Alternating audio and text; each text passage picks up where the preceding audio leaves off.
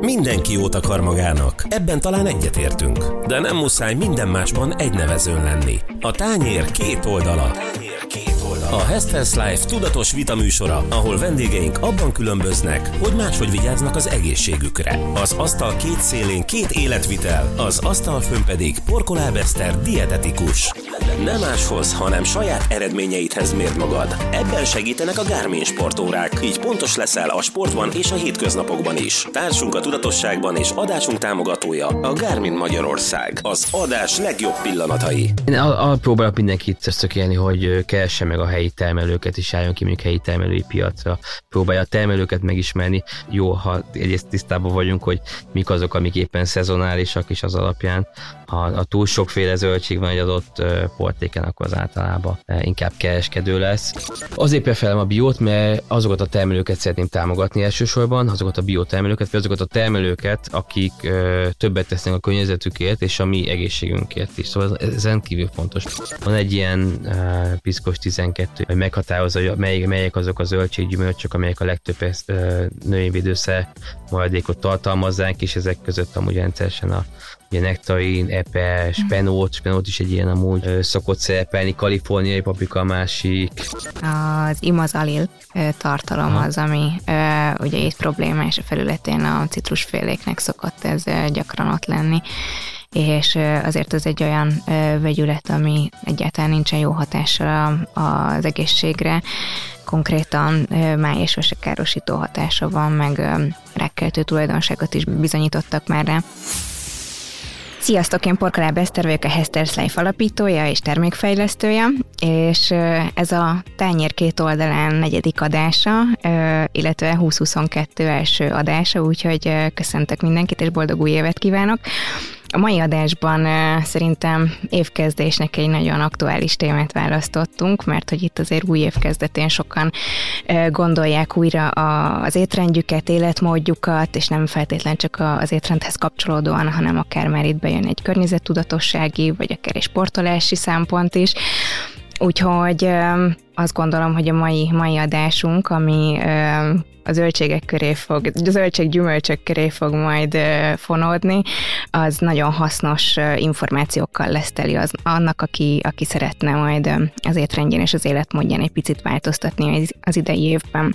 A mai vendégem pedig Horváth Boldizsár, a Farm to Fork alapítója, aki egyébként agrármérnök, és vele fogunk ma beszélgetni többek közt a, a mai gazdálkodásról, illetve arról, hogy a bio vagy nem bioélelmiszerek, zöldségek, gyümölcsök között hol van az igazság, vagy hát ha nem is az igazságot keressük, de, de mi alapján válaszunk mondjuk ilyen vagy olyan típusú élelmiszert. Úgyhogy Boldi, nagyon nagy szeretettel köszöntelek. Sziasztok, sziasztok! Köszöntöm a hallgatókat! És nekem az lenne az első kérdésem, hogy te agrármérnökként végeztél, és mi volt a, az egyetem után az első lépés? Te rögtön bele csöppentél a gazdálkodásba, vagy hogyan alakult ott a, a tevékenységed? Köszönöm a kérdést. Igen, én ökológiai gazdálkodás mérnök mesterszakon végeztem, és tanultam Németországban is, ahol megismerkedtem, megismerkedtem Nobilis Ágostonnal, akivel már az egyetem, egyetemben párhuzamosan elkezdtünk gazdálkodni, Fejér megyében a Csorosja farmon. Ez egy nagyon jó lehetőség volt számunkra, mivel egy konvencionális gazdaságot kellett átalakítani biogazdaságá. Szóval ez egy igazán nemes, nagy feladat. És nagy hosszantartó feladat. Igen, hosszantartó feladat. Szóval van itt egy két éves átállási folyamat is, mm. és hát egy nagyon izgalmas. Ugye én biogazdálkodást tanultam, engem nagyon izgatott is ez, hogy mert a, a biogazdálkodás egy holisztikus szemléletet igényel. Szóval egy folyamat, van, egy, van mögött egy folyamatos tanulás, szóval nagyon izgalmas, egy nagyon kreatív munkafolyamatokat vagy munkafolyamatokra van szükség. Szóval, hogy ez, hogy ez nagyon egy olyan testhez álló feladat volt, amit nagyon szerettem. A, és fel három éve alapítottam meg a, a Farm to Fork vállalkozásomat, de már a, a Csorsa Farmon nagyon izgatott a, a Farm to Table-nek a megvalósíthatósága. Én ebből írtam még annó a, a diplomunkámat, hogy hogyan tudna egy, egy, éttermnek a, egy éttermet hogyan tudna ellátni egy kisebb gazdaság, és akkor ezeket a mennyiségeket néztem meg. Szóval mindenképp valahogy szerettem volna bekerülni a, a gasztronómiába, az éttermekhez, és így kezdtünk el Ágoston a bolygonyát termeszteni 5 évvel ezelőtt. És a te indító motorod ezen a pályán mi volt pontosan? Tehát itt a személyes motivációdra gondolok, hogy az alapján, hogy a, az ökológiai, ökológiai gazdálkodást választottad, mm, ezen keresztül te milyen hozzáállást tanúsítasz, az, tanúsítasz a, a zöldségekhez, a gyümölcsökhöz, vagy hogy magához a, az étrendhez? Mi 2012-ben lassan 10 éve voltam a egy Hüvelford nevű angliai ö, gazdaságban, ami gyakorlatilag biozöldségeket termeszt, ö, a kereskedik is, sok más termelőnek is segít, ez mondhatni egy nagy gazdaság, és ott egy olyan ö, szemlélet, ö, olyan szemlélettel találkoztam egyrészt a zöldség, egy gyümölcsök iránt, ami nagyon magával ragadott. Nyilván itt a bión is nagyon nagy hangsúly van, de mellett ö, sok minden más is ö, tejet kapott, szóval, hogy itt különböző más termelőknek a megbecsülése, termelői szövetkezet, a, a, a, munka, a, a munkavállalóknak a megbecsülése. Szóval, hogy sok-sok olyan ö, ö, jó pozitív best practice vagy találkoztam, ami, amit úgy gondoltam, hogy mindenképp szeretnék itthon is megvalósítani. Szóval gyakorlatilag ez itt kezdődött egy ilyen szakmai mm. gyakorlatból, és nem, nem tudom, ez a zöldséggyümölcs terület, ez, ez nagyon megtetett, hogy, hogy egész termelési módja, és az, azt is láttam, hogy közben itthon az, azt látom, hogy azzal találkozok, hogy nincs annyira megbecsülve a, a zöldséggyümölcs.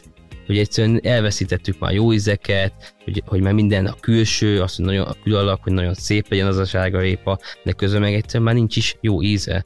És hogy ez volt az, ami ugyanakkor zavart, és ezért lettem motivált, uh-huh. hogy egyrészt termesszünk olyan zöldségeket, vagy segítsek más termelőknek abban, hogy mi az igazi piaci igény, mert közben sokat uh, konzultáltam, hogy beszéltem éttermi séfekkel, éttermi tulajdonosokkal, akik uh, rendszeresen azt a visszajelzést adták a, a hazai zöldséggyümölcs, vagy egyéb import, inkább az import zöldségekkel, hogy uh, egyszerűen nincs íze, uh-huh. és hogy ez egy szerintem egy elég komoly probléma. Nyilván tápanyagokba se feltétlen gazdag egy holland sárgaipa. Igen, ez egy ilyen rokkafogta csuka is, hogy ha nem jó az íze, akkor kevesebben fogják szeretni, tehát kevesebb lesz a fogyasztás belőle. Egyébként is sajnos a magyar táplálkozásra jellemző, hogy, hogy nem a, a zöldséggyümölcsbe vitelen van a hangsúly, úgyhogy ezen van bőven mit javítani. Említ... Persze, meg ha gyerekként is, ugye, hogy egyszerűen, hogyha megszeressük a zöldséget, gyümölcsöket, tehát egy sárga éppen, ugye rendkívül fontos, hogy jó, jó ízű, édes legyen. hát itt vissza is csatolnék a, a másik podcastünkre, amit Rebekával veszünk fel. Ő is folyamatosan elmondja, hogy tulajdonképpen az, hogy milyen íze van az élelmiszernek, az ételnek gyerekkorban, az, az a magával ragadó egy gyermek számára, tehát hogyha a zöldség az íztelen, és, és nem jó állagú, vagy nem jó ízű, az egy idő után elutasításra kerül szóval, hogy, de ezt azt hiszem, hogy nem csak a gyerekeknél fontos, hanem nálunk felnőtteknél is. Csaraszia farmon ez Mesélj egy picit a, a farmról, hogy hol helyezkedik el, ez valahol itt van a, az Észak-Dunántúlnak a, a keleti régiójában, illetve bocsánat, a nyugati, nyugati. nyugati uh, régiójában hogy burgonyával kezdtetek, most Igen. hol tart a farm? A, a gazdaság fejé megyében található, Bicske mellett száll településen, kicsi sváb település. Itt kezdtünk el gazdálkodni, itt van egy 23 hektáros gyümölcsös és egy 280 hektáros szántóföld. A burgonya az nagyon minimális volt, itt főleg szántóföldi növénytermesztéssel foglalkoztunk biogazdálkodásban, szóval ez azt jelenti, hogy különböző gabonákat, napraforgót, minden egyéb más növényt termesztettünk.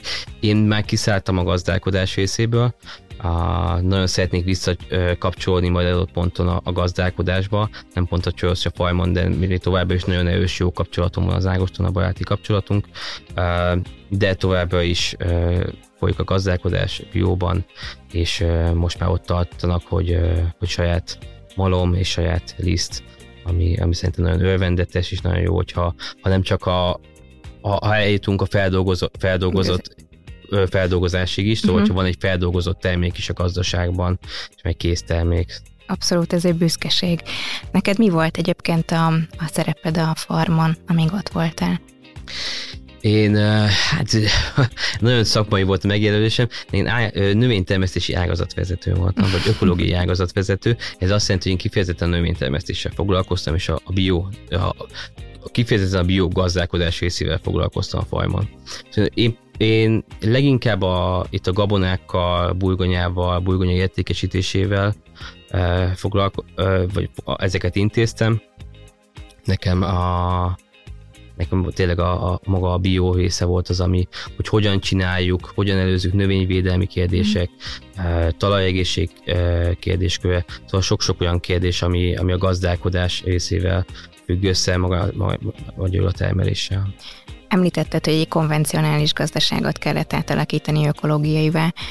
Azért ez rendes kihívás, és mm, elég nehéz feladatok elé állít. Ezt hogyan kell elképzelni, vagy mennyi időbe telik az átállás?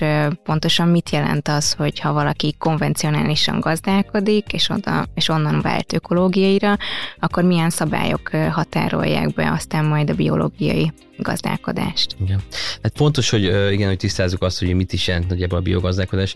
Nem fog teljesen nagyon a mélyébe menni, de az a, a legfontosabb nyilván az, hogy, hogy nincsenek kémiai növényvédőszerek, szintetikus szerek, gyomírtószerek, szóval teljes gombolőszerek, szóval ez, ez abszolút kizárva. Nyilván vannak növényvédelmi eszközök növ, van ugyanúgy növényvédőszer, csak hogy ez mindenki természetes úton elállított növényvédőszer. Szóval ez, ez, ez gyakorlatilag a legfontosabb ugye az állat tenyésztés során, ami szintén, ami szerintem a, a legmeghatározóbb az, hogy szabad tartásban vannak az állatok, ugye ez rendkívül fontos, nincsen antibiotikum, csak ö, kivételes esetekben nincsenek növekedési hormonok, a, a növénytermesztés területén pedig két év az átállás, évelős kultúrát három év. Um, itt azért teljesen más, a, mi, mi a konvencionális gazdaságban, a, vagy a hagyományos gazdaságban, nagyon szinte minden van válasz. Mm-hmm. És hát itt főleg a növényvédelmi kérdésekre gondolok és termelési gondolok, csak ott felcsapjuk a könyvet, és találunk benne egy adott választ, hogy éppen hogyan védekezzünk egyemek. A, ezzel szemben a biogazdálkodásban nagyon fontos a prevenció, a megelőzés. Uh-huh. Szóval, hogy itt uh-huh. már például a téli időszakban rendkívül, nagyon-nagyon erőre kell tervezni, és nem csak azt kell megtervezni, hogy milyen növényt fogunk terveszteni, hanem meg kell nézni azt, hogy milyen növényvédelmi feladatokkal szembesülhetünk a jövőben, ezeket hogyan tudjuk megelőzni. Szóval miértek, a hogyanok, azok, az komple- egyszerűen komplexen kell látni az egész rendszert. Szóval ezek a kérdések, ezek, ezekkel előre kell foglalkozni, uh-huh. és ez, ezáltal egy teljesen más típusú gazdálkodási forma, uh-huh. ugye ez egy fenntartható gazdálkodási forma, ami rend, amit rendkívül fontos kiemelni. Továbbra sem nagyon elterjedt, amúgy pont uh, most a beszélgetés előtt néztem meg, hogy nagyjából hol tartunk így a világszinten, és egy másfél százalék a, a világon a bioterületek aránya, szóval az alapvetően nem magas. A Magyarországon 5,7 százalék, uh-huh. EU-ban pedig 8,1. Gondolom Németország viszi a Ö, Németországban amúgy 8, pár százalék, de mivel uh-huh. nagy, nagy területről uh-huh. van szó, ezért az alapvetően magas. Uh-huh. Ausztriában Ausztria. közel 25 százalékos, igen, úgyhogy ott nagyon magas. Terület arányosan. Uh-huh. Igen, de a, ha a fogyasztást nézzük, akkor viszont Németországban a, szinte a legmagasabb. És amúgy Magyarország klasszikusan egy ilyen export ország biotermélet tekintetében, szóval, hogy nálunk alap, szóval a, a gazdálkodás az első évben mi is, amit csináltunk, hogy megtermeltük a szerintünk jó minőségű gabonát, és eladtuk egy holland vagy egy uh, német feldolgozó üzemnek, akik lisztet, vagy pedig takarmánynak ment, de uh-huh. hogy gyakorlatilag exportra ment, és akkor ezzel szemben most ugye a, a, a Georgia Farmon egy, egy kész termétnek, egy disznek az előállítása folyik, ami rendkívül jó. Hát ez már előrelépés alapból. Um, igen, azért azt el kell mondani, hogy a, a hazai kereslet még uh, valahol nagyon a gyerekcipőben jár, főleg az ausztriai meg a német uh, vásárlási szokásokhoz, meg vásárlóigényekhez képest. Itt én azt látom egyébként, hogy egyrészt uh, maga az ár nagyon meghatározó, tehát a bioélelmiszerek, bioalapanyagoknak az ára az nyilván kiugró a konvencionálisakhoz képest. de ebbe is van magyarázat, és ennek is van egy logikus miértje, hiszen maga a gazdálkodás és sokkal, aztán majd cáfolja meg, de hogy egy, egy, egy költségesebb előállítási forma, mint a konvencionális.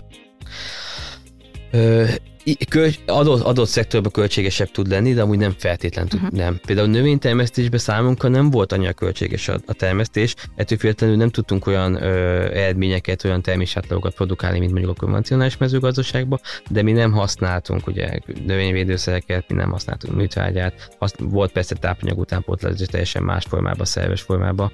Így, ö, így nem voltak alapvetően magasak a költségeink, de, de mégse tudtunk olyan jó hozamokat elérni. Igen, drágább a bio, ez egyértelmű. Amúgy én azt látom, hogy azért egyre jobban van kereslet rá, uh-huh.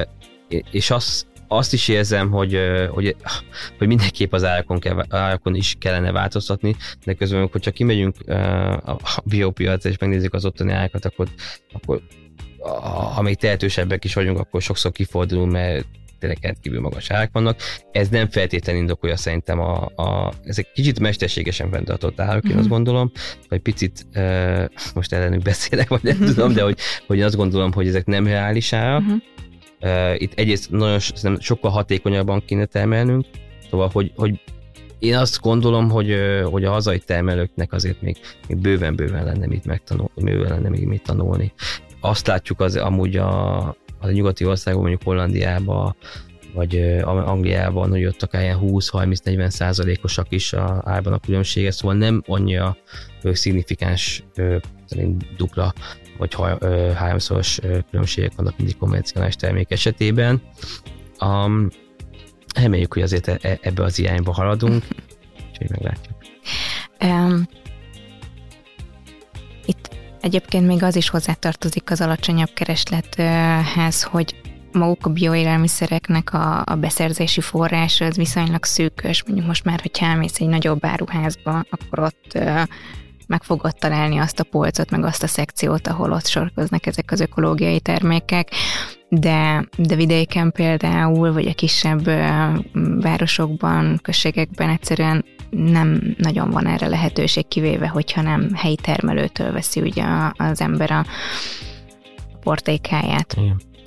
Igen, bár vidéken biztos nehezebb beszerezni a, mondjuk kifejezetten bio élelmiszereket, mert azt gondolom, hogy hogy ez egy kisebb kutató munkával lehet találni termelőket, vagy lehet találni ilyen kisebb, vagy közösségeket, vannak ezek a kosár közösségek, ez egyre inkább elterjedt már város, nagyobb városokban is, de, de alapvetően ez még mindig egy ilyen kicsi szám. Hm, én, én arra próbálok mindenkit összökélni, hogy, vagy azt próbálom mindenkinek átadni, hogy keresse meg a helyi termelőket, és álljon ki mondjuk helyi termelői piacra, próbálja a termelőket megismerni. Mondjuk az is benne van, hogy sokszor amikor azt mondják, hogy nehéz már megkülönböztetni a termelőt és a kereskedőt, úgyhogy jó, ha egyrészt tisztában vagyunk, hogy mik azok, amik éppen szezonálisak, és az alapján, ha, ha túl sokféle zöldség van egy adott portéken, akkor az általában inkább kereskedő lesz. Eh, szerintem ez is egy súlyos hiba, hogy ezt nincsen még erősebben szabályozva, hogy jobban feltüntetve, hogy én termelő vagyok, én kereskedő. Nyilván én kereskedői szerepben beszélek most, de ugyanakkor meg azt gondolom, hogy ezeket tisztán lehet csinálni, szóval, hogy ezeket eh, egyértelműen kellene kommunikálni a vásárlók felé. Szóval abszolút nehéz. Én a termelőpiacokat szoktam javasolni, Budapesten talán tényleg könnyebb, de de hogyha például nem tudjuk megengedni a biotermékeket magunknak, vagy a biozöldségeket, akkor hogyha van egy már 20-30 négyzetméterünk, akkor már sok-sok kiló zöldséget meg tud magunknak termelni, szóval, hogy szintén arra bátorítok mindenkit, hogyha ha van egy kis szabad területe, akkor ne feltétlenül gyepet legyen oda, hanem, hanem akkor legyen uh, szezonális zöldség, gyümölcség is veteményes így van.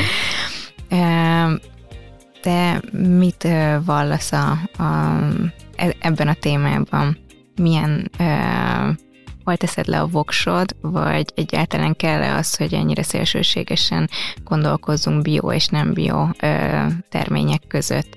Tehát, hogy uh, hogy a zöldséggyümölcs fogyasztást kategoris, kategorikusan kijelented-e, vagy kijelenthető-e, hogy jobb a bio, és a konvencionálisat hagyjuk, vagy pedig ezért ez egy jóval árnyaltabb téma?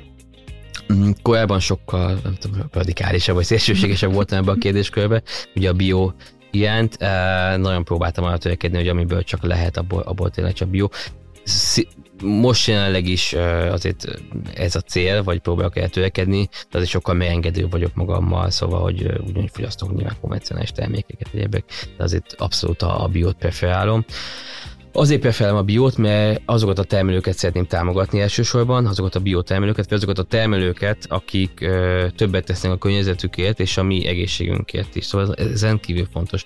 Úgy gondolom, hogy a, amit én láttam, és amit én tanultam, meg tapasztaltam, hogy a, hogy a biotermelők lényegesen többet tesznek a környezetükért, a talajaink egészségéért, a vizeink védelméért, a fenntarthatóságért, a biodiverzitásért, ez nagyon fontos, uh-huh. ugye ez a növényi sokféleség, egy kutatásban is olvastam múltkor, hogy a növényvilágban egy, egy biogazdaság ott összehasonlítottak egy konvencionális gazdasága, nem csak egyet, hanem több biogazdasága, több ö, konvencionális gazdasága, és 85%-kal ö, több növényfaj található meg a bioterületeken, szóval ez egy magas szám. Nyilván itt az állatok, különböző hővajok, természetes predátorokban is abszolút magasabb, madarakban madarak élőhelye egyebekben is lényegesen biogazdálkodókra sokkal jobban vagy jellemzőbb az, hogy mondjuk mélegelőket telepítenek a gazdaságba.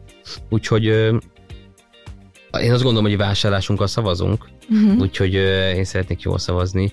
Nyilván persze lemond, nem, nem olcsó, tudom, a biotermék, ez lemondásokkal jel más oldalon, de ugyanakkor meg azt gondolom, hogy ez számomra fontos, hogy hogy egyrészt mit viszek be a szervezetembe, uh-huh. és másrészt pedig az, hogy kit támogatok az adott vásárlásommal. Uh-huh.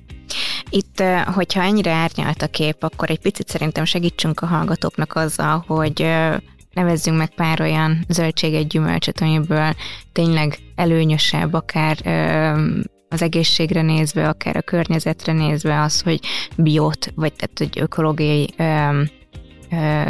terményt választunk. Igen, a leginkább a, kezdhetjük a burgonyával, de kezdhetjük, de ugyanúgy mondhatjuk akár sárgaépát, almát, szóval sütőtök, kevésbé mondjuk, de inkább ez a három, amit, amit tettem, alma, sárgaépa, burgonya, meg inkább szóval ezek a gyökérzöldségek, és nagyon, hát nagyon sok gyümölcs, például akár e, szamóca, epe, őszi bajaszk az, ami, amiből azért fontos lenne, hogyha, vagy próbáljunk arra törekedni, hogy biót fogyasszunk, vagy legalábbis olyan helyről származzon, ahol lehető, lehető legkevesebb peszticidet, növényvédőszert kapta az adott termék. Azért ezeket emelem ki, a gyökérzöldségben sokszor erősebben föl tud halmozódni a, a különböző nehézfémek, és a, a, a, ezeket a különböző gyümölcsöket meg elég sokszor tudják, elég sokszor szokták azért permetezni. Van egy ilyen uh, piszkos 12, amelyikkel mindig ez a dirty, de azon, ami hogy meghatározza, hogy mely, melyek azok a zöldséggyümölcsök, amelyek a legtöbb uh, növényvédőszer maradékot tartalmazzák, és ezek között amúgy rendszeresen a ugye nektarin, epe, spenót, spenót is egy ilyen amúgy uh, szokott szerepelni, kaliforniai paprika másik, szőlő az import szőlő, szóval ezeket kevésbé ajánlom mondjuk az import termékek terén. Szóval az import szamóca, az, az, mhm. nem, az, az nem ajánlom, import szőlő szintén ugyanez, a, azért spanyol paprikában is ilyen óvatosan. Óvatosan. Déli gyümölcsöknél egyébként ugye itt a, az imazalil tartalom Aha. az, ami ugye itt problémás a felületén a citrusféléknek szokott ez gyakran ott lenni, és azért ez egy olyan vegyület, ami egyáltalán nincsen jó hatással az egészségre, konkrétan máj és károsító hatása van, meg rákkeltő tulajdonságot is bizonyítottak már rá, úgyhogy mindenképpen érdemes én azt gondolom citromból például olyat választani, ami nem felületkezelt, vagy nem ö, tartósítószerrel kezelt citrom. Sajnos egyébként én csak pár beszerzési forrás tudok rá. Pontos de... fogyott el nekünk. Te, te biztosan tudsz. hát ilyenkor pont, a, pont egy tegnap ugye te Alajos Mizsai kezeletlen citrom, a, az amúgy nagyon nagy sláger volt idén is, meg a tavaly évben is, mind az éttermek részéről, mind pedig a lakosság, szóval, hogy, hogy, hogy tényleg egészen sokan vásárolják vásárolták nagy mennyiségekben, nagy volt az érdeklődés, mm. úgyhogy ilyenkor milyen ez, nem csak azért, mert forgalomot növeljük, hanem egyszerűen annak is örülök, hogy, hogy van rá igény, mert azért alapvetően ez, ez, egy, ez egy drága termék volt, szóval ez egy prémium uh-huh. termék volt, de ennek ellenére azért sokan fontosnak tartották, hogy erre áldoznak. Ez tök jó hír, egyébként szerintem viszonylag kevesen tudnak róla, hogy Lajos Mizsén terem citrom. Úgyhogy szerintem megérné ezt egy picit reklámozni, mert biztos, hogy, hogy, hogy lenne rá kereslet. Én például pont uh, meséltem otthon a családnak, hogy Lajos Mizsén van citrom, és annyira felcsillant uh, anyukám meg a nagymamám szeme. Ugye nekik mindig mondom, hogy süteménybe csak olyan citromhely, ami kezeletlen, igen, vagy limonádéba, stb. Tehát ez, ez tök fontos. Ezek a peszticidek mosással, hámozással valamelyes csökkenthetők? Hát igen, alapvető, alapvetően csökkenthető. De ugye igen, ahogy mondtad, a déli gyümölcsöknél semmiképp nem ajánlom, hogy mosás után is használják a héját, uh-huh. szóval abszolút nem ajánlott. Szerintem, de, de lehet, hogy ezt te sokkal jobban tudod. De igen, persze a mosás az nagyon fontos, hogy azért egy, egy volt, mi az bővízzel megmosni, uh-huh. a, szóval nem csak egy áztatás, hanem tényleg egy, egy, folyton, egy folyó, folyó, folyóvízzel, igen, igen, köszönöm, folyóvízzel mosás az, az fontos, minden zöldséggyümölcs terén, az abszolút. Ez egy annyira alap mozdulat, így, és így van, de azért sokan elfelejtjük, szóval, hogy sokan csak tudod, meg, megtölik az almát, és akkor hajapják, hogy néha nincs csinálok ilyet, de hogy azért alapvetően igen, a, a, a mosása fontos.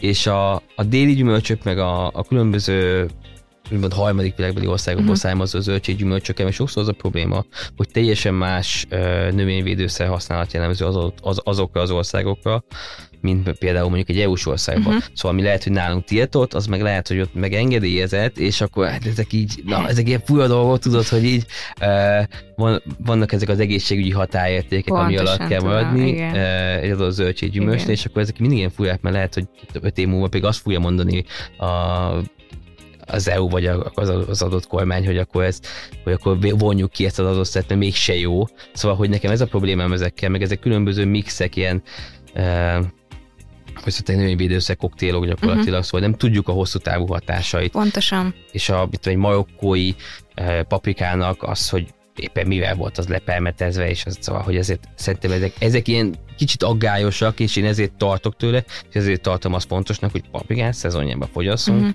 szóval, hogy ez ott a nyáj-őszi szezon, akkor érdemes. És egyébként ez nagyon lényeges, amit mondasz, hiszen ezek a peszticidek fel tudnak halmozódni a szervezetben, és főleg egyébként a zsírszövetben tudnak raktározódni és erről is még korábban egy másik podcastben beszéltünk, de hogy például a szoptatós anyukáknál is azért nem is ajánlott a, a hirtelen gyors tömegcsökkentés fogyókúra, mert hogy ezek a, a növényvédőszer maradékok a zsírraktárokból már az anyatejbe átkerülve akár a csecsemőnek a szervezetében okozhatnak károkat, úgyhogy erre ezt abszolút ki kell emelni, és fel kell ráhívni a figyelmet, és még egy visszacsatolás megint a citromra, mert ez egy ilyen citromos nap, hogy, hogy pont a Népicnek az oldalán olvastam, hogy az EU-ban kifejezetten most ö, olyan mm, keletről érkező ö, termények érkeztek be, aminél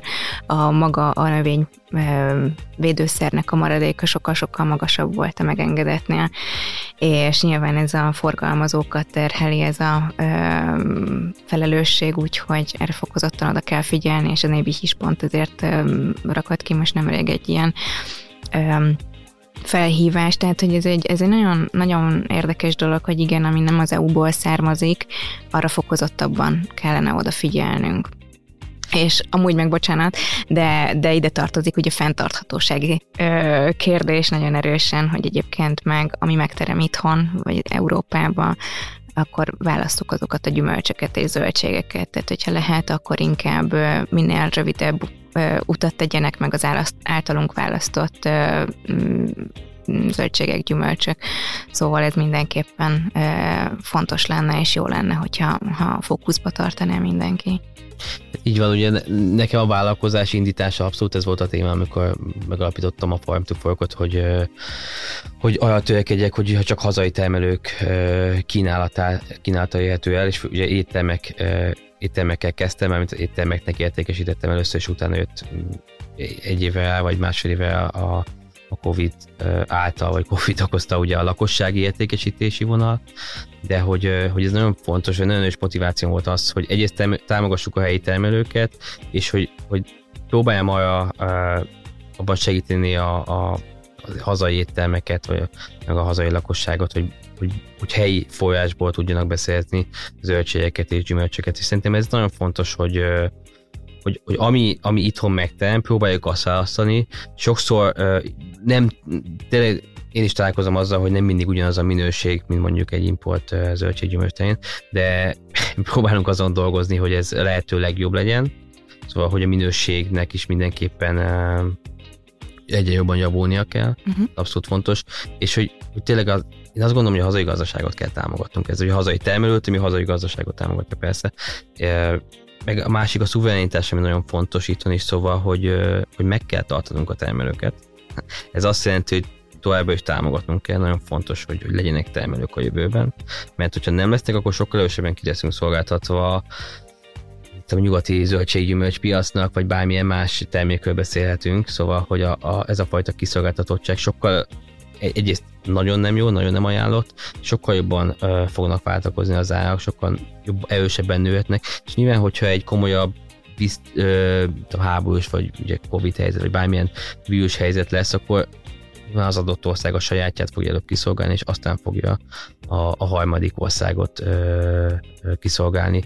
Szóval, hogy de én nyilván egy nagyon kis hal vagyok ebben az egész történetben, szóval próbálok itt Budapest vagy Budapest környékén valamit, valamit elérni, és és, azon, és tovább is ezen fogok dolgozni, hogy, hogy jobban kiemeljem azt, hogy, hogy fontos az, hogy, hogy, hogy próbáljanak a minél többen hazai termelőtől vásárolni, és a termelőket arra bátorítani, hogy, hogy minél jobb minőségben termeljük meg azt adott zöldséggyümölcsöt. Itt nagyon-nagyon elkél a vásárlói, meg a fogyasztói edukáció, és nemrég volt egy Olvasd a címkét kampányunk, ahol mi is felhívtuk a figyelmet arra, hogy az élelmiszereken lévő címkéket, összetétel, tápértéktáblázatot olvassák el, és ne csak, hogy olvassák el, hanem picit így helyezzék kontextusba, és próbálják megértelmezni is a, a rajta lévő információkat, és egyébként azt látjuk, hogy hogy van foganatja, és érkeztek utána személyes tapasztalatok, és, és reagáltak a kihívásra, úgyhogy remélem, hogy ezáltal mi is elindítottunk egyfajta mozgalmat, és egyfajta szemüveget tényleg fel tudnak tenni ilyenkor a vásárlók a, a fejükre, de ugyanez a helyzet azon a téren is, hogy honnan származik az adott élelmiszer, és akár itt a gyümölcs vagy a zöldség. Tehát amit mondasz, hogy hogy válogassuk meg, hogy honnan veszünk zöldséget, gyümölcsöt, az megint csak egy tudatosságot igényel, és ezt a tudatosságot ezt fel kell ébreszteni, és párszor ismételni kell ahhoz, hogy ez a fajta szokás ez kialakuljon. Hát igen, ezt mindig, én is mindig-mindig elmondom, néha persze unom már, de hogy, hogy akkor meg egyszerűen tényleg ez rendkívül fontos kérdés, hogy honnan származik az alapanyag, és ez a fő üzenete szerintem a mi vállalkozásunknak is, hogy ez az egyik legfontosabb. És én azt gondolom, hogy a, a, a, a, a jó minőség mellett azért is vásárolnak tőlünk egyes ételmek, vagy lakossági vásárok, mert mert fontos nekik az, hogy, hogy, hogy tudják, hogy honnan származik. Nálunk például fel van ugye tüntetve, egy adott, ha elmész mondjuk egy adott zöldség, akkor látod azt, hogy Jóska bácsi vagy Gulyás Immel termelte, és hol termelte. Szóval van, van azért valami kötődés az egészhez, hogy látod azt, hogy ez egy itt, termett 100 km tőlünk, uh-huh. valaki az arcát adja hozzá, szóval nagyon fontos, hogy, hogy bizalom, a hitelesség, uh-huh. az itt meglegyen az egész ellátási láncban. Szóval amit a, nem csak a hazai, hanem így globálisan, amit látunk itt az egész ellátási láncban, nem csak az zöldséggyümölcs piacon, hanem ugye az élelmiszer piacon. Szóval annyi szereplő van az egész láncban, ami eljut hozzánk. Itt akkor nézhetünk egy banánt is. Szóval, hogy mondjuk ha, amíg a banán elé hozzánk, amit megkapnak az ott dolgozók, meg a termesztők, az ilyen 5-10 százalék közötti. Szóval, hogy a, a legnagyobb haszon nyilván ott a mindenki máson a, a köztes kereskedőknél, és aztán végén a szupermarketnél van. És ugye kicsit másról beszélek, de, de azért mindig szeretem ezt is kiemelni a trópusi gyümölcsöknél, hogy ott is nagyon fontos volna származik az alapanyag, ha már ilyen termékeket választunk vagy fogyasztunk, ott is próbáljunk arra törekedni, hogy az lehetőleg feltét legyen, vagy, vagy, vagy legalább valamilyen címkével ellátott, feltétlenül túl van az a Rainforest Alliance is, de ugye az alapvetően inkább a Fairtrade uh, a jobb, uh, mert hogy ha, hogy mindig érdemes feltenni azt a kérdést is, amikor választunk, hogy, hogy hogy lehet, hogy ilyen olcsó. hogy nekem szerintem nem sokszor a bio, hanem egyszerűen az, hogy bemegyünk, és az alma kerül, nem tudom, 400 forintba mostanában, szerintem egy konvencionális 500 forint. A... 600 forintért lehet igen? a botrányos. lehet, hogy nem tudom, és közben meg a banán meg tudjuk venni 3-400 forint. Valaki mindig fizet a, a végén, de az lehet, hogy persze, mármint, hogy értsd úgy, hogy itt itt gondolok az ott dolgozókra, szóval mondjuk emberi jogi kérdések, uh-huh. hogy ők hogyan dolgoznak, egyebek. Munkaerő e, munka, Igen, szóval egy kicsit ez a modern rabszolgasság a háttérben, uh-huh. ugyanez az ananásza, ugyanez sok más mérje, uh-huh. Spanyolország, úgyhogy ez, ezt se szabad elfejteni azért a harmadik világból érkezett termékektől, ezért nagyon meg kell vizsgálni, hogy ez pontosan hogyan érkezik, miért kerülhet egyszerűen ennyibe. Uh-huh és hogy ez milyen körülmények között. Hát így van, van és akkor itt is jön, hogy milyen szavazunk. De ez egy teljesen más téma, bocsánat, hogy elevesztem az egészet, de, de ezért is jó, hogy kicsit komplexen látni szerintem az egész ellátási lánc. Szerintem nagyon jó, hogy egy ilyen szemléletet hozol be és képviselsz. De egyébként hány termelővel dolgozol?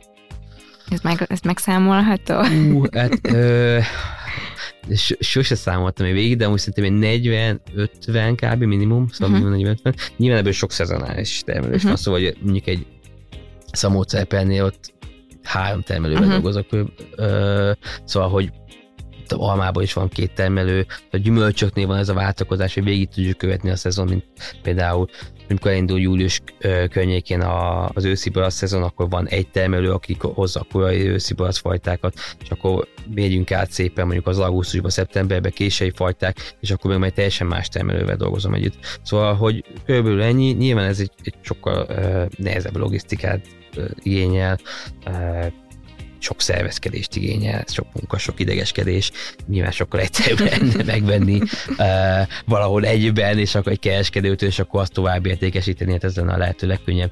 Ugyanakkor meg ezt pont ezt szeretem, hogy van egy, uh, hogy nekem van egy diét kapcsolatom, és én úgy gondolom, hogy ez még továbbra is egy ilyen egy rövid ellátási nászak minősül, ez is egy fontos ilyen uh-huh. kulcsfogalom az egészben, mert uh, itt van egy elég erős átláthatóság a rendszerben, és én mint egy igen egy köztes szereplő, mint egy kereskedő vagy logisztikai uh-huh. szakember veszek részt, és ebben próbálom ugye segíteni mind a termelőket, mind a, az éttermeket, vásárlókat.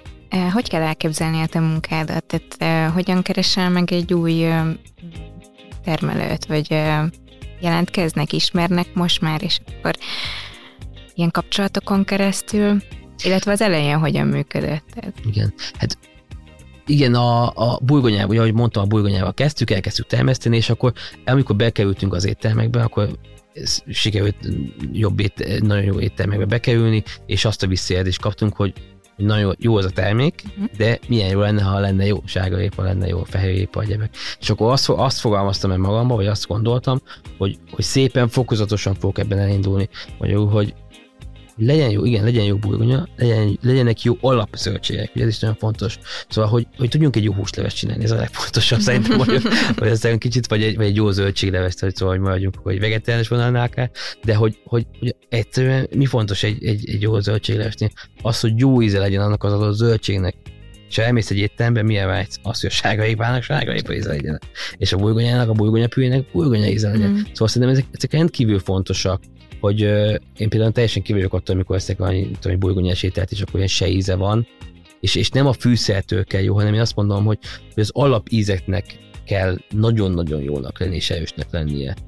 Szóval, hogy, hogy a, mint egy sárga barasztekfának se kell csokisnak lennie, vagy nem tudom, egyéb, vagy ilyen fűszeresnek, vagy annak, legyen egy jó alap sárga barasztekfá, uh-huh. vagy a sárga barasztek nagyon jó ízű. Uh-huh. Ö, és akkor ez minden más év zöldség gyümölcse igaz szóval hogy alapzöldségből indult, és akkor így folyamatosan kerestem és fontam be újabb termelőket, nyilván a biogazdálkodás által azért voltak, vagy voltak kapcsolataim, meg hát amúgy a, nyilván itt is a social média kezdetekben, szóval különböző Facebook csoportokban is írogattam ki, hogy sziasztok, nem tud valaki jó sárga barackot, vagy izét, vagy görögdínyét, vagy szóval, hogy így, hogy próbáltam ezt is, és, és amúgy ezáltal is így lettek jó kontaktok, nyilván ajánlások által, szóval, hogy ez, amúgy ez folyamatos útkeresés, szóval ezt már gyakorlatilag ez a termelőkeresés ez ilyen 4-5 évet tart, és még mindig-mindig vannak újabb termelők, pont tegnap egyeztettem egy fokhagymás termelővel, akit egy másik fokhagymás ajánlott, hogy ebbe a szezon, vagy a szezon ezen részén is legyen jó minőségű fokhagymám, és akkor szóval hogy a termelők is segítenek sokszor egymásnak is ajánlgatják egymást. Úgyhogy ez egy, egy folytonos keresés, és, és persze van, vannak nagyon stabil termelők, akikkel évek óta kezdett nagyon sok ö, olyan termelő van, akik kezdetektől fogva együtt dolgozom. És ami, ami nagyon fontos még nálunk, hogy ö, hogy mondtad, egy etikus kereskedelmről beszélünk, vagy egy méltányos kereskedelem, ugyanúgy, ahogy előbb említettem a Fairtrade, szóval hogy ugyan, gyakorlatilag ugyanezt próbál megvalósítani itthon is. Én azt gondolom, hogy a termelőknek egy nagyon korrekt, normális árat kell. Nyilván egy, egy mhm. piac, piaci árhoz közelít, szóval nem egy elrugaszkodott árat, de egy olyan árat kell kifizetni, ami, amivel, aminek örül a termelő, amivel boldog a termelő. Azért, mert hogy, hogy fontos az, hogy ő jó minőségben, hosszú távon azt az adott zöldséggyümölcsöt, azt megtermelje. És ne, szóval, hogy ö, én, én nem kisemmizni szeretném ezeket a termelőket, hanem inkább bátorítani, ö, segíteni, támogatni, rendkívül nagy munka a termelés, szóval, hogy én pont, hogy én azért gondolom, hogy egy kicsit más szemlélettel vagyok ebben a kereskedelmi vonalban, mert láttam azt, és dolgoztam abban, hogy mondjuk milyen 35 fokban burgonyát betakarítani, nem egy... Melós. Egy elég melós, igen, és közben másokban tudom fürdenek, és akkor termeszted a burgonyát. Szóval, hogy egy, egy, ez egy más típusú életmód, és azt gondolom, hogy, hogy jár nekik egy, egy méltó korrekt fizetés a, a munkájukért. Abszolút. Egyébként én azt látom, hogy hogy a hazai fogyasztóknak a nagy része, persze nyilván itt van ez, hogy gyárérzékeny a magyar vásárló, talán ez így kijelenthető, de még fontosabb az, hogy, hogy ár értékarányban érzékeny. Tehát, hogy szerintem nagyon sokan kifizetik, és kifizetjük azt az árat, hogyha a, a termék, amit megveszek, az tényleg jó minőségű.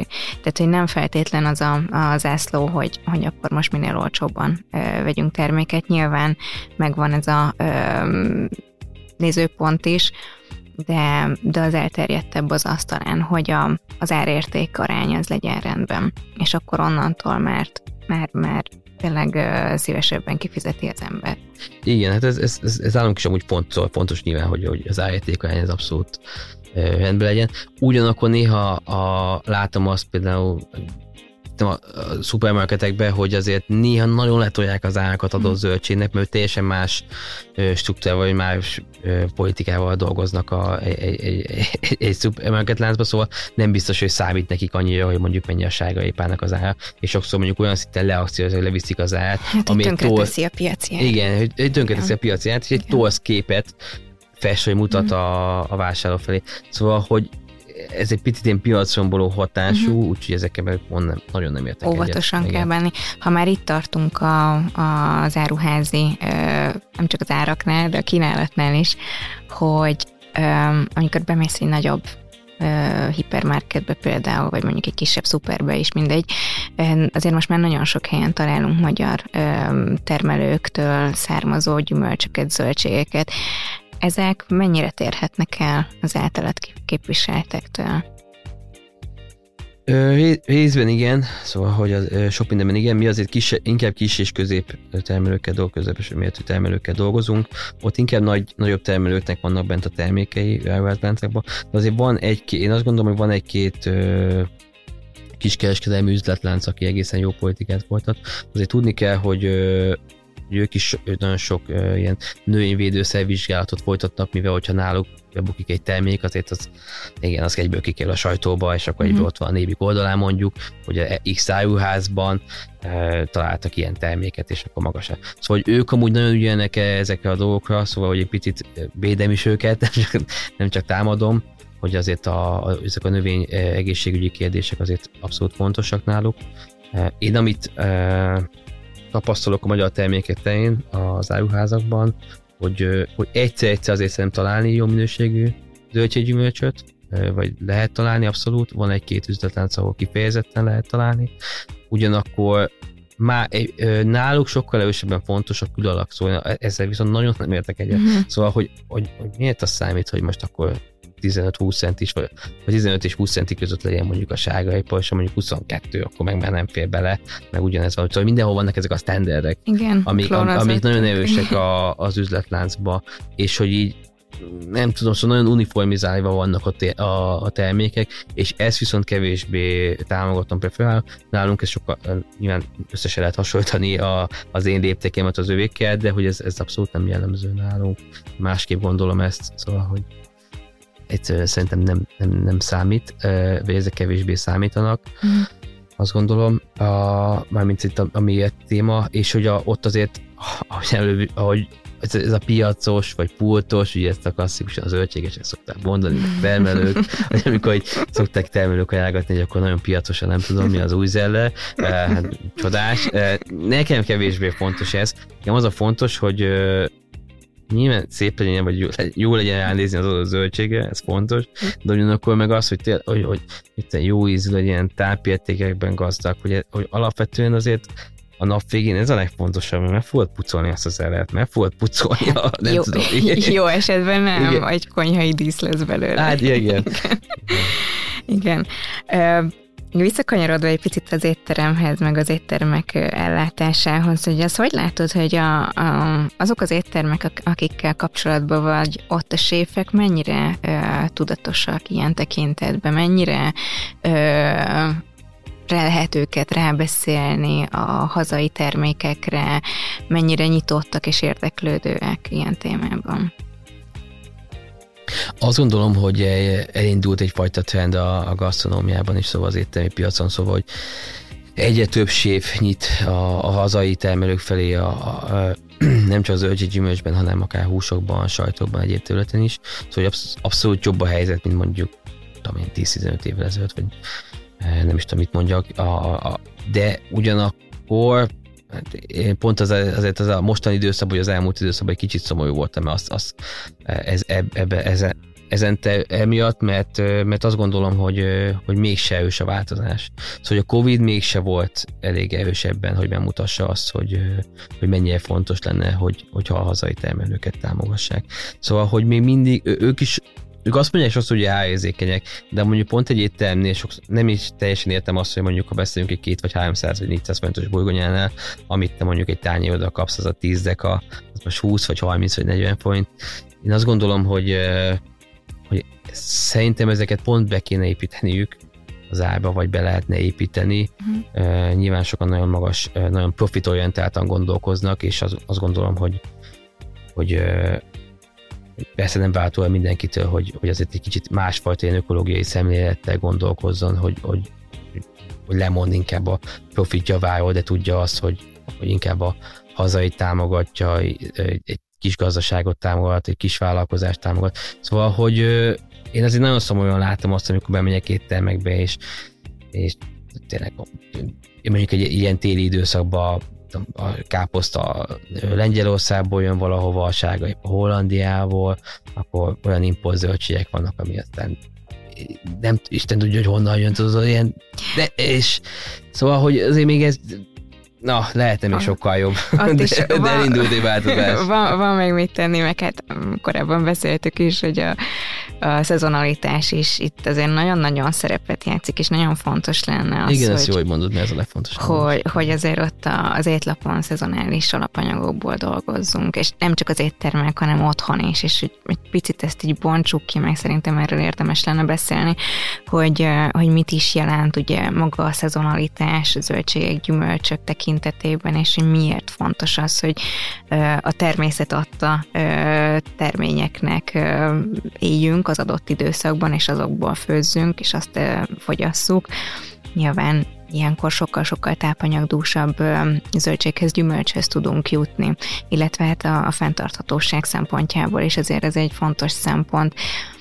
Ezzel mondjuk a, a séfeket mennyire tudod meggyőzni, hogy, hogy szezonális alapanyagokat választanak, és mondjuk télen egy áfonyás sajtorta legyen az étlapon?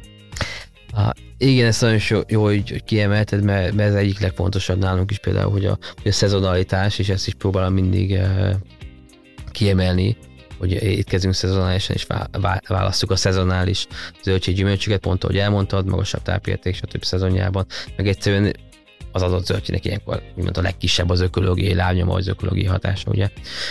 Ö, szó-szó, hát mint egy ilyen hát egészen szezonális az étlapok, ugyanakkor szerintem sokkal sűrűbben kéne váltakozni, sokkal, szóval a természethez jobban el kéne hangolódnunk, gyorsabban kéne változtatni az étlapokat, kreatívabbnak kéne lenni, el kéne engedni adott alapanyagokat a, a téli szezonban, szóval, hogy egyszerűen ki kell húzni a paradicsomsalátát, meg ilyeneket a, a, a, té, a téli étlapok. Egyszerűen nem is jó ízű, ugye nagyon magas a, egyrészt árban is drága amúgy, szóval, hogy a szezonális termékek, bocsánat, még az árhoz visszakapcsolódok, mm-hmm. szóval, hogy a szezonális általában mindig szezonjában az árban is sokkal jobb, szóval pénztártának is jobb választás amúgy.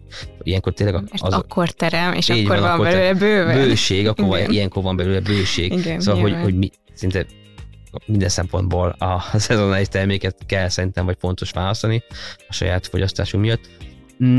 Ennek ellenére még az éttermek sokszor nem mernek, vagy, vagy, vagy kevésbé tudnak kreatívak lenni, azt érzem, és nem mennek változtatni. Azt gondolják, hogy, hogy ez egy nehezebb út, uh-huh. mondjuk a, meg kell győzni nyilván a vásárfogyasztókat, hogy akkor most itt tudom én, csak költés, vagy csak almás, vagy egyéb más desszertek vannak, mondjuk gyümölcsökkel, és uh-huh. mondjuk elengedjük azt, hogy legyen áfonyás, vagy epres, vagy egyéb dolog, ami ami abszolút nem illik ebbe a szezonba.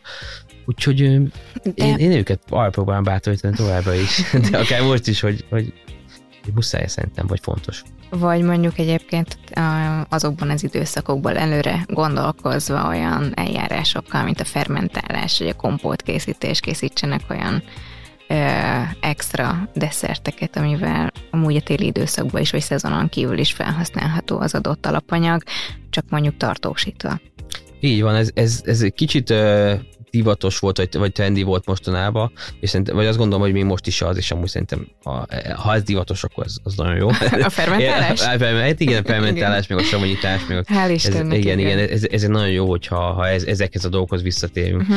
Ugye ezt mostanában az északi konyhát szokták ezt a Nordic cuisine mindig uh-huh. emlegetni, eh, hogy ott, ott, ott a leginkább jellemző ez. Eh, abszolút példát vehetünk amúgy róluk eh, ebben, de ugyanakkor meg egyszerűen nem kell messzi elmenni, mert itthon is a, a nagyszüleink gyakorlatilag így éltek, és a, ők a, nagyon is fenntarthatóan éltek, mert mondjuk a gyakorlatilag ugye egy kis állattartásgyúkok, akkor gyakorlatilag komposztálás, egyebek, nem volt uh, hulladék, ugye teljesen más kérdés, de nem volt hulladék, igen. szóval, hogy, hogy nagyon sok mindenben a szezonális mhm. étkezés, uh-huh. azt, hogy előre gondolkoznak, és akkor pont az, hogy a szezonjában eltették uh-huh. a, a lecsót, a lekvát, egyebeket, szóval, hogy szerintem nagyon is jó, ha ezekhez visszakapcsolódunk, nyilván újabb technológiákkal, meg hogy újabb ízekkel, uh-huh. szóval, hogy Ugye persze lehet változtatni, és nagyon sok éttermnél pont a standba szállítottam ma, és akkor láttam, hogy a pincés megy ott volt a polcon, ami, uh-huh. nagyon jó, szóval, hogy, hogy, hogy, hogy, ott is nagyon fontos az, hogy akkor elteszik mondjuk a téli szezonra azokat a, a nyári, zöld, nyári gyümölcsöket, amiket ilyen, ilyenkor tudnak használni, és akkor sok minden mást is, ugye erdély alapanyagok, uh-huh. nagyon jó, az is e, egy, egyik profilunk amúgy a, a nyári szezonban, hogy ilyen erdély alapanyagokat szállítunk éttermeknek. Mesélj egy kicsit. Igen, azt amúgy én is nagyon szeretem, nagyon izgi.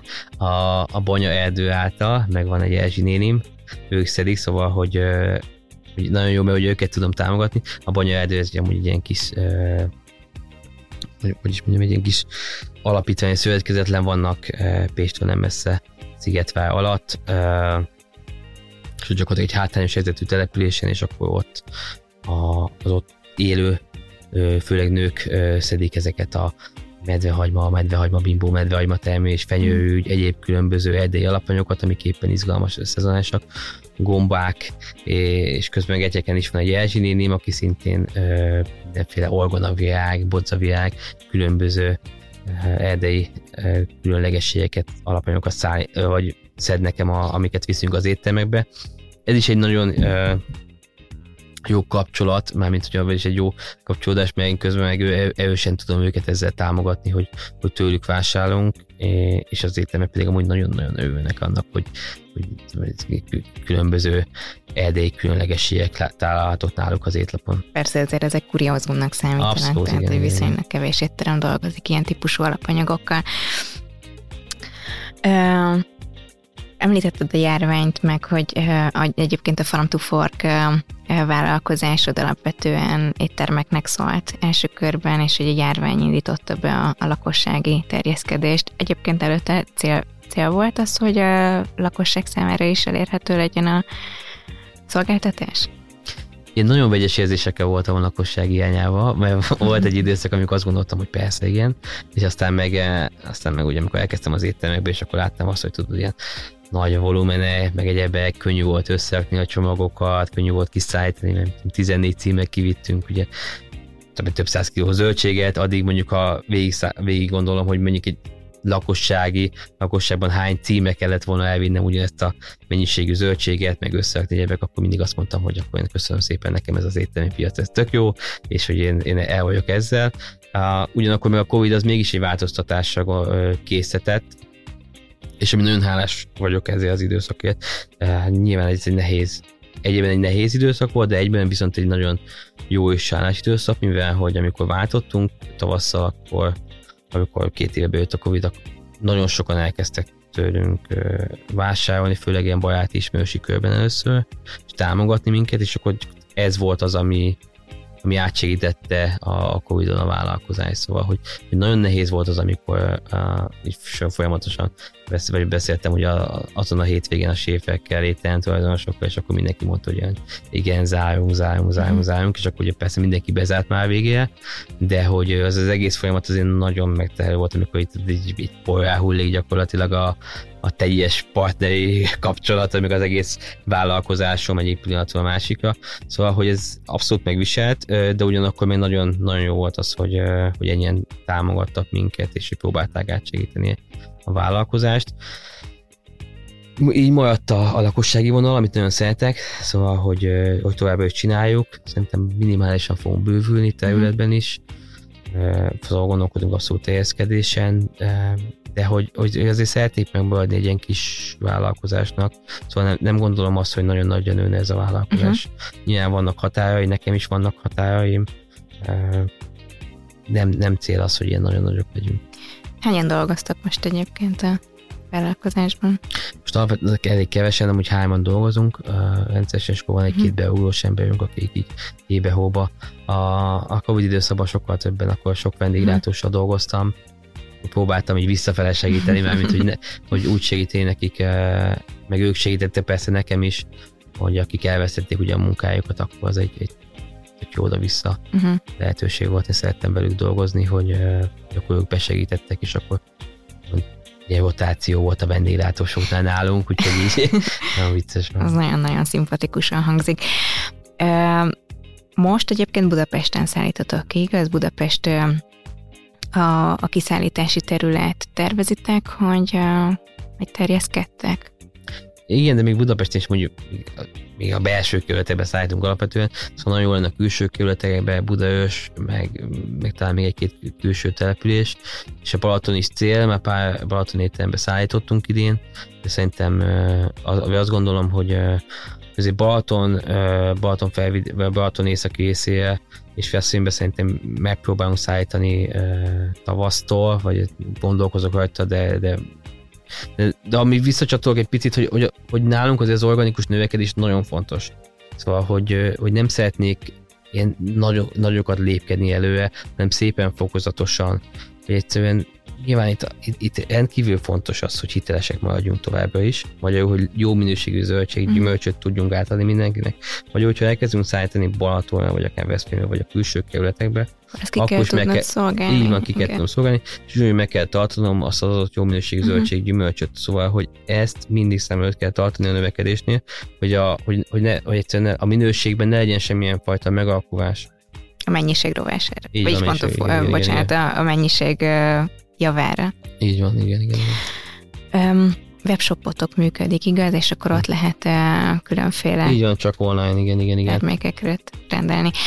Hogy látod, hogy uh, így most már lassan azt mondható, hogy két éve Covid helyzet van sajnos, hogy uh, mennyire nőtt a, a kereslet a zöldségek, gyümölcsök iránt?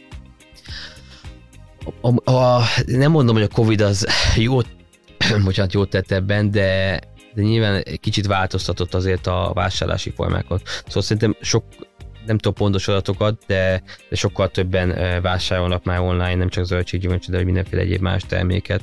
Szóval, hogy ez egyre inkább ez a vásárlói szokás egyre, inkább elterjedt. Azt gondolom, hogy, hogy igen, egyre, egyre többen vásárolnak zöldséggyümölcsöt online. Azt gondolom, hogy ez, ez így is fog maradni, meg hogy ez továbbra is növekedni fog. Azért szerintem ez egy jó fajta szolgáltatás, hogyha jó minőségű zöldséggyümölcsöt kapsz, és akkor az gyakorlatilag egy-két napon belül ott van az ajtód előtt, uh-huh. szóval hogy fel is viszik, ez mondjuk akár egy anyukának, ezért ez egy nagyon nagy segítség tud lenni szerintem, hogy online megrendeli mondjuk 5 perc alatt, nem kell válogatni, nem kell sorban állni, hanem egy-két nap ott van a, a, a kiválogatott, az összeválogatott zöldséggyümölcs pak, Úgyhogy én, én azt gondolom, hogy e, e, ez a kiszállítós ez egy, ez egy jó szolgáltatás hosszú távon is. Ez nagyon hálás, vagy gondolok itt például az idősebbekre, akik Így van, igen, igen. eddig piacoztak, és hát igen, az 10-20 kiló zöldséget hazavinni nem mindig a nyilás. Abszolút, és hát pont ebben a Covid helyzetben hogy nagyon sokan inkább otthon maradtak, mondjuk a járvány, a járvány csúcsán, uh-huh. úgyhogy nekik is azért ez, ez abszolút Szép egy biztonságos. jó, biztonságos, igen, egy jó lehetőség volt. Úgyhogy szerintem ez marad, meg, meg azt gondolom, hogy ez tovább fog terjedni, és amúgy elég sok vállalkozás jött létre mostanában, akik Covid alatt? A Covid alatt, akik kifejezetten ez a házhoz szállításban gondolkoztak, mondjuk azt látom is, hogy azt is látom, hogy sok megszűnt. Sajnos sok megszűnt, de itt én azt látom, hogy aki tud alkalmazkodni viszonylag gyorsan a fennálló helyzethez, az talpon tud maradni, és gyorsan hát talán ez a cool, vagy ezt lehet tanulni, vagy ezt lehetett megtanulni a Covid-ból, hogy a, az alkalmazkodás, mert mint így hogy gondolkodok itt vállalkozóként, hogy ez rendkívül fontos, hogy tudjunk gyorsan változtatni, és hogy most is azt gondolom, hogy a többfajta értékesítési csatorna, az alkalmazkodó képesség rendkívül fontos, hogy mi is több lábon álljunk, szóval, hogy ez, ez, ez, ez, ez tényleg nagyon meghatározó lesz valószínűleg a jövőben is. Hát kívánom, hogy legyen még nagyon sok vevőtök, és nagyon remélem, hogy sikerül, sikerül népszerűsíteni a, zöldséggyümölcs fogyasztást, mert én dietetikusként azt látom, hogy azért van rá kereslet, és, és azért növekszik így a, az igény, a kíváncsiság, és akár így a kreativitás is, hogy hogyan használjuk fel őket és ebben azért neked nagyon nagy szereped van, és tök jó, hogyha ha van egy ilyen színfoltja a piacnak, mint a te szolgáltatásod. Úgyhogy remélem, hogy ezáltal a, a hazai táplálkozási adatok és a, a táplálkozási mutatók azok javulni is fognak. Még egy picit oda Köszönöm térjünk szépen. vissza, hogy, hogy azért érkezett kettő kérdés. Lássuk, lássuk, miket kérdeztek a hallgatók amiből egyet már, már feltettem menet közben a szolgáltatásnak a bővüléséről. Itt konkrétan igen, igen. Pécs volt a kérdés. Nem biztos le.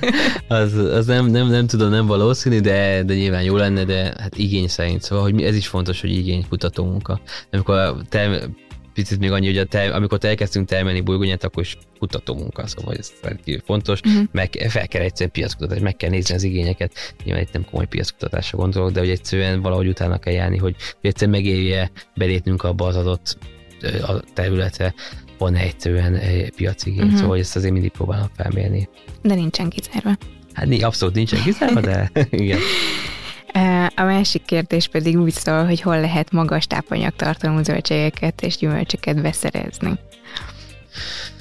Hú, hú, hát szerintem ezeket részben említettük, de, de azt gondolom, hogy a, a, a, a legjobb, hogyha otthon tovább is otthon termelünk, uh-huh. akkor megadjuk annak az adott zöldséggyümölcsnek a, a lehető legtöbbet, amit a, a, a, a, igényel az adott növény de, de piacokon mindenképp, szóval, hogy inkább itt a termelőpiacra uh-huh. gondolok, termelőktől, Szóval jó, de jó megismerni a termelő személyiségét, hogy ő mennyire kérdezősködni egy kicsit, hogy ő mennyire foglalkozik, hogyan termel, egyebek. Szóval egy egy-két keresztkérdésbe lehet tenni tényleg az, hogy, hogy milyen módon termel, mikor volt permetezve, hogyan volt permetezve. Szóval ezeket érdemes azért feltenni ezeket a mhm. kérdéseket, ha vagyunk elég bátrak. Uh, én azt gondolom amúgy, hogy Ugye egyes, egyes nem tudom, nem akar megnevezni, de egyes szupermarketekben is lehet e, magas tápértékű zöldséggyümölcsöt beszerzni, de nem, nem biztos, hogy azt ajánlnám. E, Meg itt termelőktől, szóval termel... termelőktől és hazai. Szóval ami legfontosabb, hogy helyi, szezonális. Ezt akartam mondani. Igen, hogy, hogy nem, nem biztos, hogy tudok ennyire konkrétumokat uh-huh. mondani, inkább azt mondanám, hogy helyi, szezonális termelői alapanyagok. Szóval, hogy el, elpróbáljunk törekedni. Ezt említettük is a szezonális témánknál, hogy egyszerűen nem csak a, a terméshozam ilyenkor annyi magasabb, hanem ilyenkor azért a tápértéke is jobb az adott zöldségnek vagy gyümölcsnek. Egyébként képzeld el, hogy kicsit kutattam a témában, és jelenlegi cikkeket korábban még egyetemen más tanultunk, de egy, egy 2020-as szisztematikus áttekintés nézte azt, hogy a bio vagy a konvencionális élelmiszereknek, gyümölcs, nem is élelmiszereknek, alapanyagoknak, tehát gyümölcsöknek, zöldségeknek a, a tápanyag profilja az hogyan tér el a konvencionálishoz képest, és igazából minimálisan, de jobban teljesítettek a bio termények. Igen, amúgy a tápanyagban nem feltétlen vannak olyan ö, ö, nagyon számottevő különbségek sok esetben, amiben viszont erős különbség van, az, hogy a, sze, a, a szermaradvány a szermaradvány a, a, ugye a konvencionális termékben sokkal magasabb tud lenni, ugye mm. itt a mhm. növényvédő gondolok, és a biotermékekben is amúgy sokszor megtalálható, szóval azért óvatosan kell, bekerülhet másokból kifolyólag akár talajból, vagy a szomszéd területről, mm. de lényegesen kevesebb, kevesebb. Szóval, hogy sokkal kevesebb minimális meg nem csak a tápanyagok, tehát mint a fehérje, szénhidrát vagy, vagy zsírtartalom, hanem az olyan vegyületek, mint például az antioxidáns tartalom, és azért az magasabb szokott a magasabb, igen, igen, magasabb a biotermékeknél.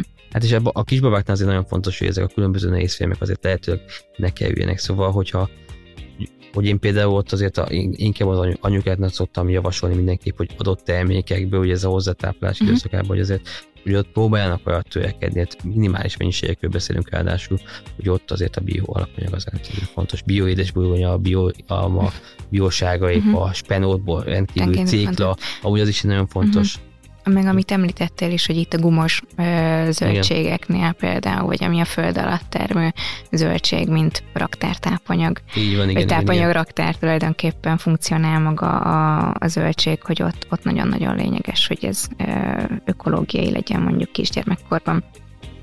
Még egy kérdésem lenne, ez pedig így szól, hogy a, hogy a bioélelmiszereknek a hátrányáról, hogyha beszélnétek egy pár szót, ez érkezett ez a kérdés, hogy van-e hátránya. Itt nyilván most az előnyöket kiemeltük, de, de azért nem menjünk el a mellett a tény mellett, hogy itt mivel a növényvédőszereknek az alkalmazása az jóval kisebb, vagy éppen nulla, ezért a, a szennyeződések kockázata az magasabb lehet hogy bizonyos Gombás, toxinok, igen, igen. penétgombának mikotoxin fertőzése. Igen, gabonásnál, hogy toxin felhalmozódás, igen, igen, szokott lenni ez probléma. Igen, ez egy hátrány lehet, de azért amúgy ez egy, inkább egy szélsőséges eset, szóval azért nem, nem mindennapi eset, szóval nem az van, hogy mondjuk van százféle gabona minta, és akkor abból 90 ilyen magas toxinanyaggal uh-huh. rendelkezik. Ezeket amúgy beszokták vizsgálni. Nagyon fontos az, hogy ezek be vannak vizsgálva. Szóval amikor például beviszünk egy, amikor korábban bevittünk mondjuk egy malomba húz alapanyagot, akkor abszolút toxint mérés, és akkor van ott is uh-huh. egy, mhm. egy erős határérték, ami alatt kell ugye, teljesíteni. Úgyhogy Kötelező is vizsgálni? Kötelező is vizsgálni. Szóval, hogyha igen, általában kötelező ezt vizsgálni, szóval a, nyilván, hogyha nem a szomszédban megy, ahol pont nem érdekli, akkor nem, de hogy alapvetően azért a nagy volumenekről beszélünk, élelmiszerről beszélünk, egyebek, vagy, vagy takarmányozásnál is még, szóval ott azért elbukhat a termék. Nagyon gyorsan e, e, ez kibukik, hogy akkor magas toxinanyag van benne. Szóval én azt gondolom, hogy ez, ez, ez nem feltétlenül egy probléma. Mi mindig ellenőrztük a terméknek a toxinanyag mennyiségét, és, és mindig határérték alatt volt nagyon minimális volt. Igen, szóval erre azért figyel minden gyártó. Na most nagyon szépen köszönöm, hogy itt voltál. Én köszönöm a És a rengeteg információt. És az előbbiekben már ugyan összefoglaltam, de még egyszer törekedjetek rá, hogyha ha tudtok, akkor helyi és szezonális zöldségeket, gyümölcsöket választatok, és akár keressétek fel Boldinak a, a vállalkozását, a Farm to Fork weboldalt, ahol tudtok tájékozódni még egyéb hasznos anyag, ö, információkra, és az, se font, vagy az sem mellékes, hogy azért ezeket a zöldségeket, gyümölcsöket változatosan fogyasztátok, kiegyensúlyozottan, és remélem, hogy sikerül beépíteni az újévi új szokásokba ezeket a dolgokat. Úgyhogy boldog új évet még egyszer, legközelebb is találkozunk. Sziasztok! Sziasztok, köszönöm szépen! Ez volt a Tányér két oldala. Kövesd és értékeld a csatornánkat. Ha tetszett az adás, hamarosan újra jelentkezünk.